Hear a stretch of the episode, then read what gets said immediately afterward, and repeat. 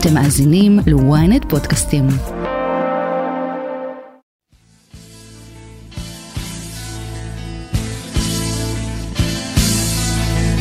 יושב על הגדר, רגל פה רגל שם, יושב על הגדר, בסדר עם כולם. נסו לדמיין איך זה לחיות על הגדר. לא כמו בשיר של אריק איינשטיין, אלא מילולית, לשבת על הגבול. רגל אחת בלבנון ורגל אחת בישראל. זאת המציאות של תושבי הכפר רג'ר, או לפחות הייתה המציאות, עד שלפני כעשרה חודשים הוא נפתח כולו לישראלים. בשבועיים האחרונים נסראללה וחיזבאללה פתאום נזכרו בזה, והם ממקדים את הקמפיין שלהם דווקא בכפר הזה. ובכלל, כל הזמן מזהירים אותנו שיש הסלמה, ושמצפון תיפתח הרעה. אבל מה הסיכוי שהגפרור שידליק את הכל יהיה רג'ר? אני ישי שנרב, וזאת הכותרת.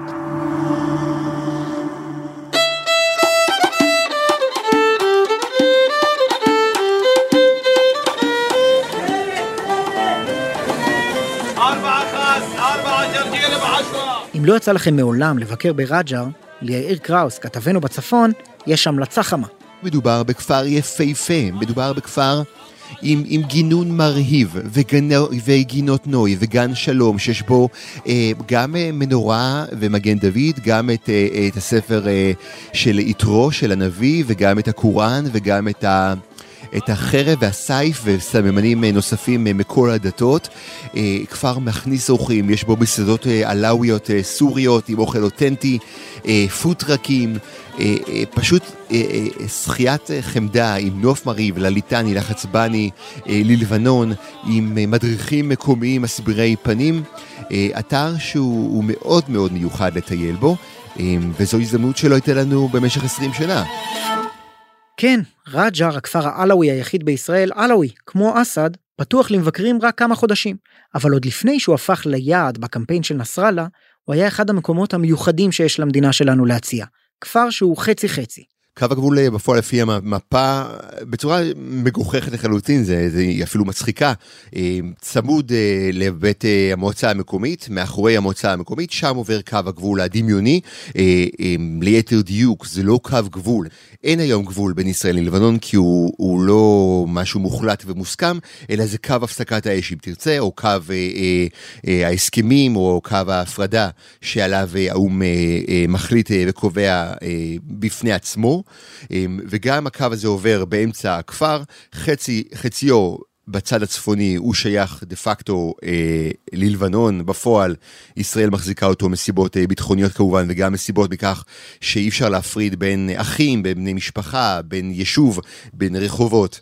אה, והחלקו הדרומי שייך לישראל, כאשר במשך אה, כל השנים הייתה אנומליה שבעצם מדינת ישראל לא יכלה, הייתה לעשות דברים תשתיתיים בתוך הצד הצפוני, לא להעביר דואר, לא להעביר חשמל, אה, היו בעיות של הפרת החוק הבינלאומי, כאשר ישראל נדרשה לתת שירותים גם בצד הצפוני, והיא נתנה. ולכן גם לא יכלו, הכניסה לכפר הייתה עד ספטמבר האחרון, ספטמבר 2022, הייתה גם סגורה כשטח צבאי סגור, בגלל שמדינת ישראל לא רצתה להראות לאו"ם או להראות לעולם שאנחנו לא עומדים בהנחיות אה, בהחלטת האו"ם משנת 2000 ולכן גם אי אפשר היה להיכנס לכפר. אי אפשר היה להיכנס, אה, נותני שירותים, בזק, חברת חשמל, שטראוס והלחם של אנג'ל היו צריכים להגיע בצורה מתואמת לצד השני וזה היה ממש חצייה של הגבול. כלומר, אם אני כאזרח, עד לשנה שעברה, הייתי רוצה להגיע לרג'ה ולראות מה קורה שם, היה מחסום בכניסה. לא יכולת להיכנס, אה, בכלל לא יכולת להיכנס.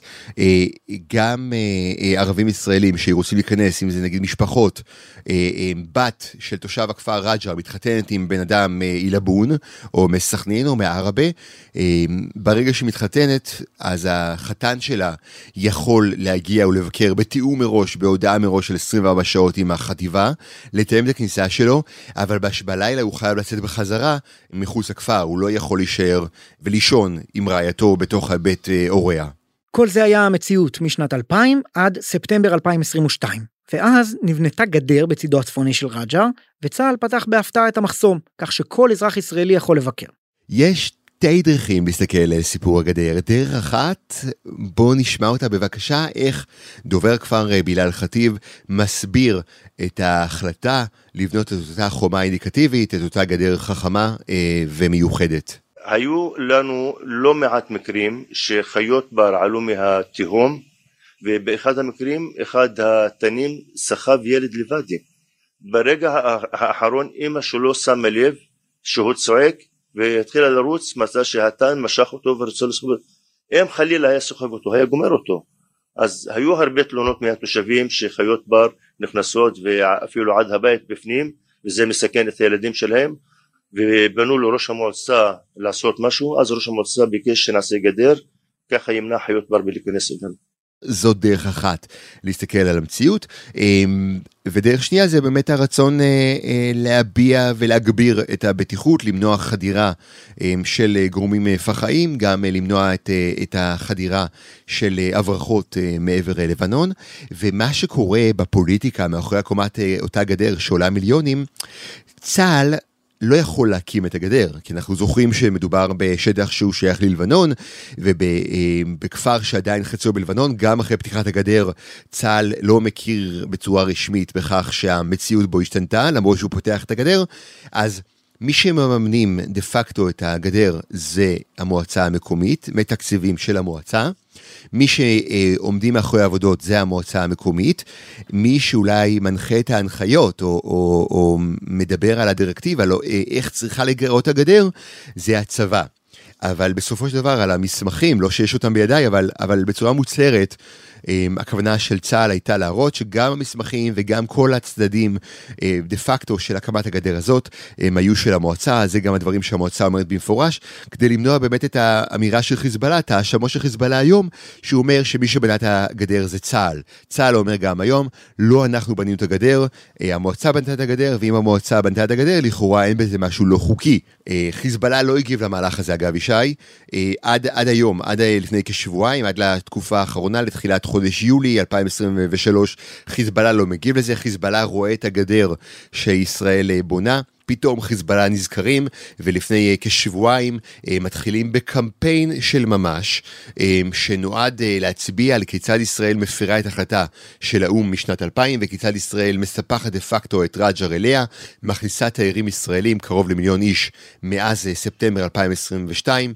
ולמעשה עושה ישראליזציה מלאה לתושבי צפון הכפר, שאמור להיות תחת לבנון.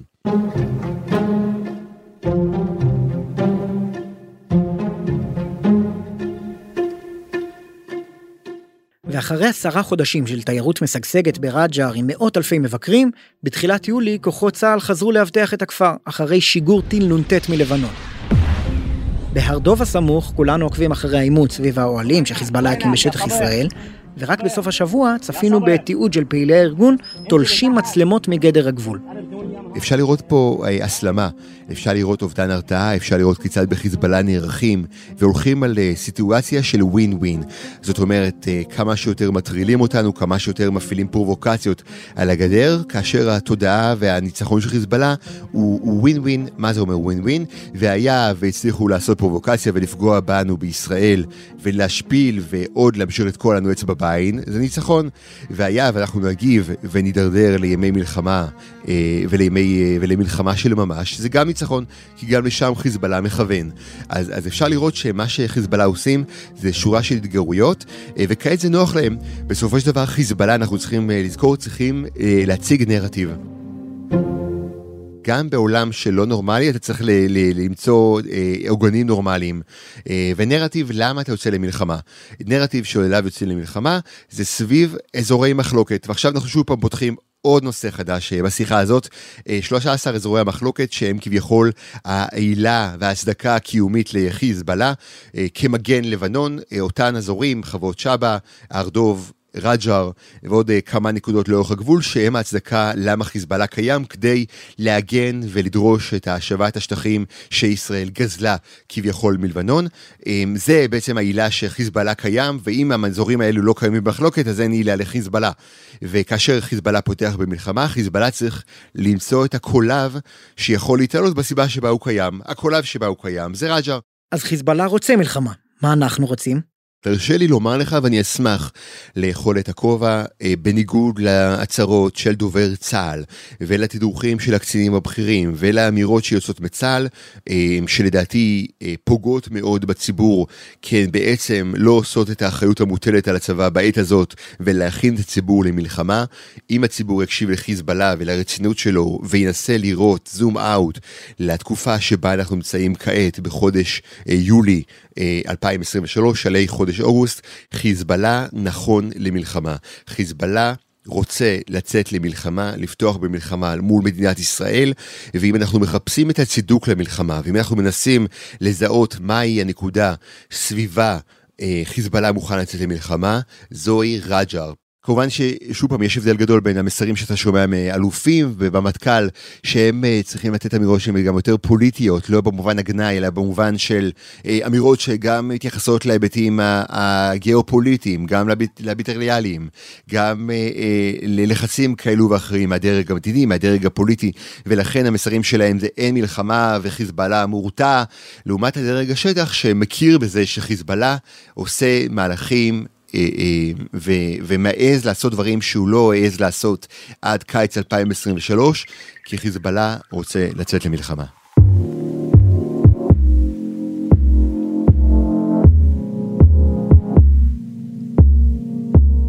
כאמור, בכירי מערכת הביטחון ערים מאוד למה שקורה בשבועות האחרונים בגבול הצפוני, ואפשר לצרף גם אירועים קודמים. הפיגוע במגידו, שיגור רקטות, הסכם הגז בים, נאומי נסראללה, כרוניקה של הסלמה. אבל למה דווקא עכשיו? ומה עם איראן שמושכת בחוטים מאחורי הקלעים? הודעה קצרה, אבל רגע לפניה בקשה קטנה. אנחנו עושים סקר, מה אהבתם ומה פחות בפרקי הכותרת. כתבו לנו אם אתם רוצים להשתתף למייל פודקאסט strudelwynet.co.il וכבר נמצא אתכם. מיד חוזרים. בזמן שאתם שואבים אבק, סיימתם עוד שני פרקים בספר. חדש באפליקציית עברית, ספרים קוליים, דרך חדשה לנצל את הזמן ולהפוך את השגרה לחוויה מרתקת. אז בואו ליהנות מאלפי ספרים להאזנה שמחכים רק לכם. פשוט לקרוא בכל דרך, בעברית. הורידו עכשיו את אפליקציית עברית ללא עלות ותהנו מספר קולי ראשון מתנה.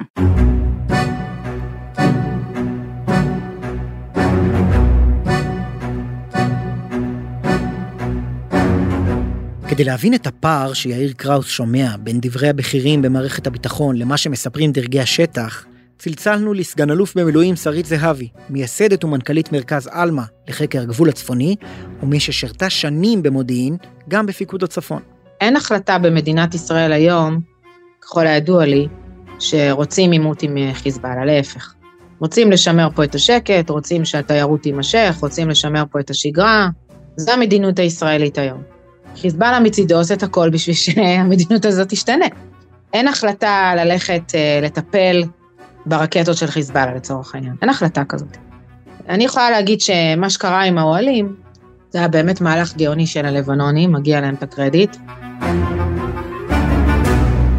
הקרדיט ששרית מעניקה פה הוא למהלך של הקמת שני אוהלים עם פעילים חמושים מכוח רדואן של חיזבאללה, מעבר לקו הכחול, בתוך שטח ישראל בהר דוב. זה קרה לפני כשלושה חודשים, צה"ל נמנע מתגובה, ולאחרונה אחד האוהלים פונה. לישראל היו שתי אפשרויות. אפשרות אחת, לקטוף את האוהלים האלה, להשמיד אותם, לעצור את הפעילים, להרוג את הפעילים, לא משנה. אפשרות שנייה, אה, ללכת לציר הדיפלומטי, להתלונן ליוניפיל ואחר כך לצאת עם זה החוצה, אה, וזה בעצם האפשרות שישראל בחרה בה. ומה שעשו הלבנונים זה אמרו, אוקיי, אם ישראל מתלוננת באו"ם על זה שחיזבאללה חצה קו כחול, או יש אוהלים שחוצים קו כחול, גם ישראל חוצה קו כחול. חצי מכפר רג'ר נמצא מעבר לקו הכחול, לפי מה שהאו"ם אומר. אם ישראל רוצה שנפנה את האוהלים, אז שישראל תפנה את החצי הצפוני של כפר רג'ר. שברור לכולנו שזה לא יכול לקרות. זה לא יכול לקרות כי כל האזרחים בכפר רג'ר הם אזרחים ישראלים, אה, עם תעודת זהות כחולה, מצביעים בבחירות, זכויות כמו שלי ושלך. אין, אין אופציה כזאת בכלל לפנות את החצי הצפוני של הכפר. זה לא, היום זה לא אופציה הדבר הזה. ואז בעצם מה שנוצר כאן מצב זה שבא נסראללה בנאום בשבוע שעבר, ואומר בצורה מאוד ברורה, אני הולך להילחם על זה, אני לא מתכוון לוותר כאן. بنى الجدار وازال اذا في شيء حواجز بين الجزء اللبناني والجزء السوري المحتل لانه نحن ما بنعترف بانه هذا جزء اسرائيلي وبالعكس حولها الى منطقه سياحيه والسنه الماضيه جاب عليها سواح بحسب ما قريت انا ببعض وسائل الاعلام الاسرائيلي 200 الف الى 250 الف سائح اجوا ليتفاوجوا على الغجر הולכת להיות כאן עבודה של ממשלת לבנון, העם הלבנוני וההתנגדות, דהיינו חיזבאללה, כדי להביא את ישראל לנקודה שהיא תפנה את החלק הצפוני של הכפר. והוא מוסיף את כל הסוגיות הפתוחות בין ישראל לבין לבנון בגבול היבשתי. בעצם הוא פותח כאן, אה, נקרא לזה תיבת פנדורה חדשה, אה, אתם יודעים, לנסראללה יש תיבה כזאת של עילות, שהוא יכול להשתמש בהן כל פעם שהוא רוצה להסלים את המצב. שנה שעברה ראינו את זה מאוד יפה עם הגבול הימי, ועכשיו אנחנו רואים את זה עם הגבול היבשתי. יש אפילו שיאמרו, הוויתור של ישראל בגזרה הימית הוליד את, ה, את חידוש התביעות בתחום היבשתי. נשאלת השאלה האם חיזבאללה מראש אמר, אני רוצה להסלים את המצב על הגבול, המדיניות שלי השתנתה, ואז אני לא יכולה להגיד שזה הוליד, אבל אני כן יכולה להגיד שזה עודד והעביר מסר שוואלה, הצליח לי בגבול הימי, אז אין שום סיבה שאני לא אנסה גם בגבול היבשתי. בסיפור של הגבול הימי, אם מסתכלים רגע על מכלול השיקולים, כולל השיקול הכלכלי המאוד מרכזי שהיה כאן, ובסיטואציה הפוליטית שנוצרה לא רק בתוך ישראל, אלא גם בתוך לבנון, נשיא לבנון למעשה סיים את תפקידו ב-31 באוקטובר, ואין נשיא אחר ללבנון כרגע, והוא היה השושבין של ההסכם הזה.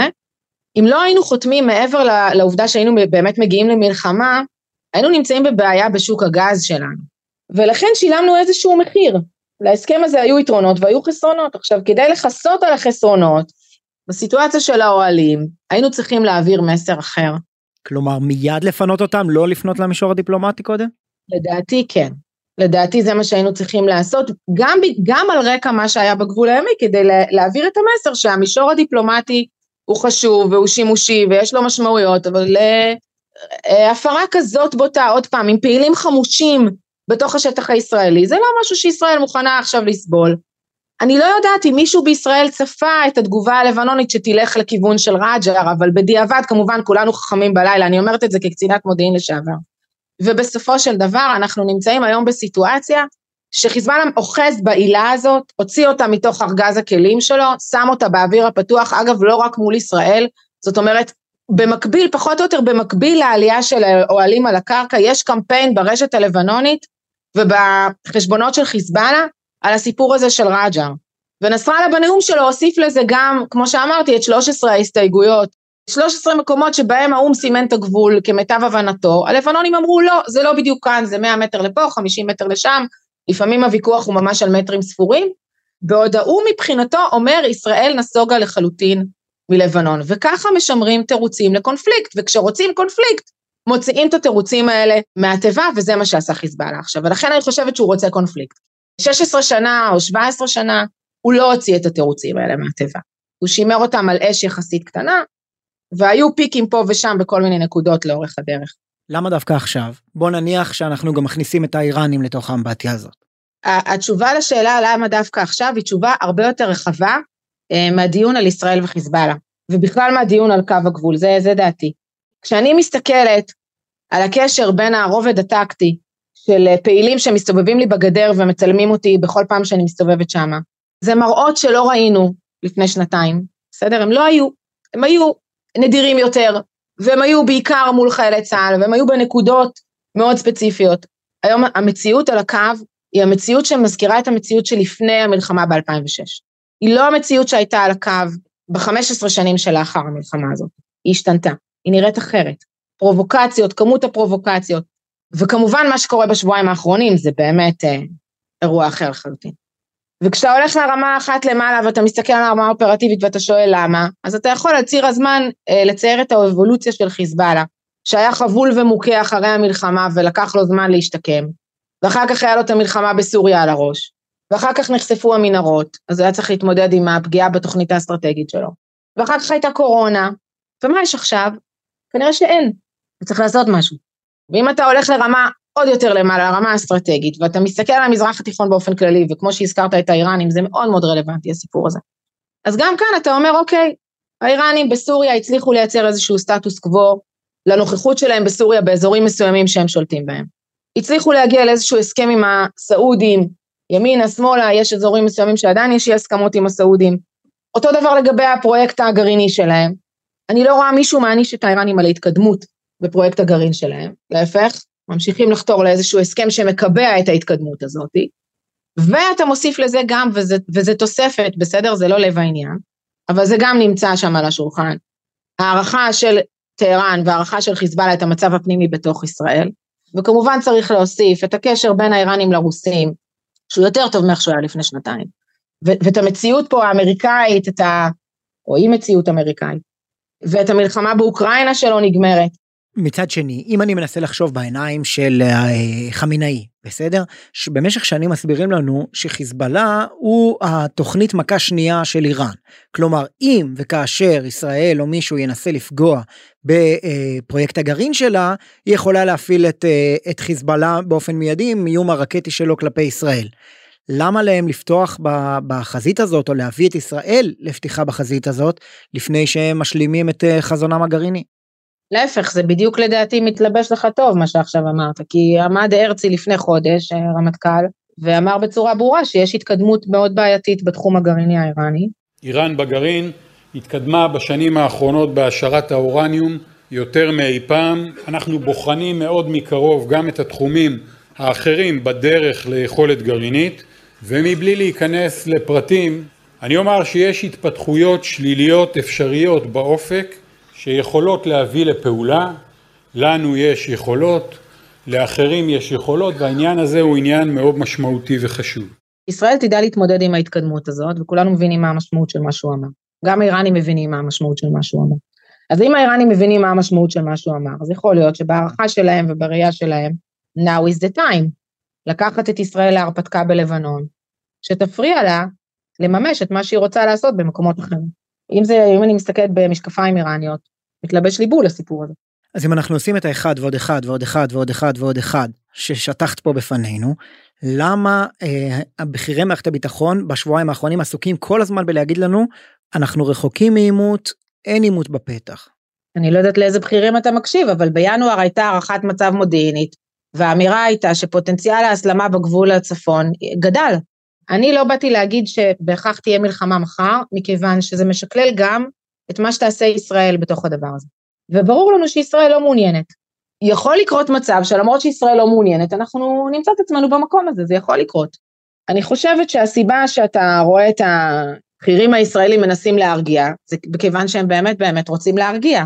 אני לא בטוחה שהם יצליחו, אבל זה מה שהם רוצים. גם את הציבור הישראלי וגם את הצד השני. אולי גם את הבינלאומי בדרך.